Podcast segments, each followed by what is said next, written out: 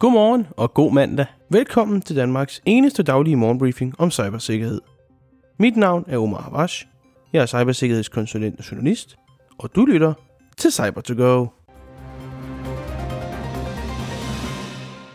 Jeg håber, du har haft en god weekend. Først skal vi til USA, hvor et amerikansk hospital er blevet ramt af et cyberangreb. Så skal vi tale om VMware ESXi, der i en del tilfælde stadig kører med to år gamle sårbarheder.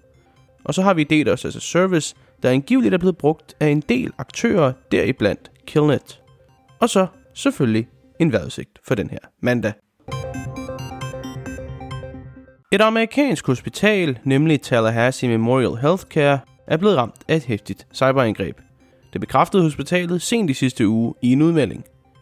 De har ikke selv udmeldt, hvad det er for et slags angreb, eller hvilke server det har ramt. Kilder tæt på hospitalet har dog fortalt aviser i nærområdet, at der er tale om et ransomware-angreb.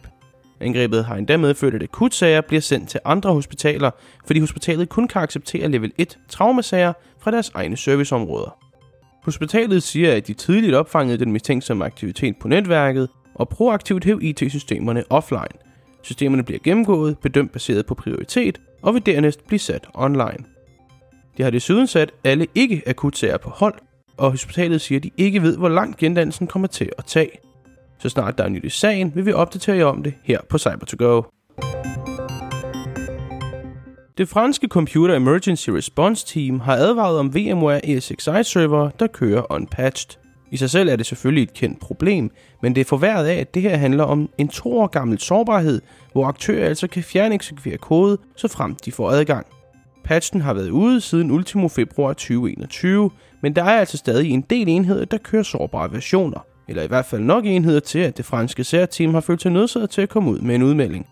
Versionerne og den dertilhørende CVE kan findes i beskrivelsen eller show notes for den her episode. DDoS altså service er en ting og har været det i noget tid. Basalt set handler det om, at en aktør kan tilkøbe sig computing power andet steds fra, og det kan så bruges til distribueret denial of service attacks, hvor målet er at nedlægge andre servere. Det har vi set rigtig meget af på det seneste, både rundt om i Europa og i Danmark. Det meste er kommet fra pro-russiske grupper mod NATO-landene i forbindelse med Rusland-Ukraine-krigen. Og det viser sig, at en ny spiller er kommet på markedet, nemlig Passion botnettet, der er en DDoS as a service platform.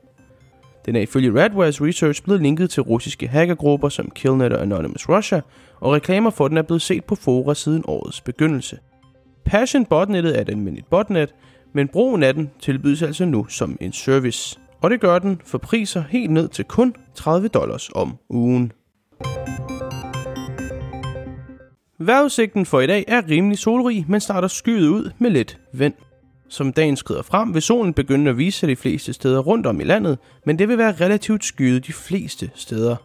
Fra aftenen vil Jylland være dækket af kraftig vind, og den vil langsomt brede sig mod øst hen over natten.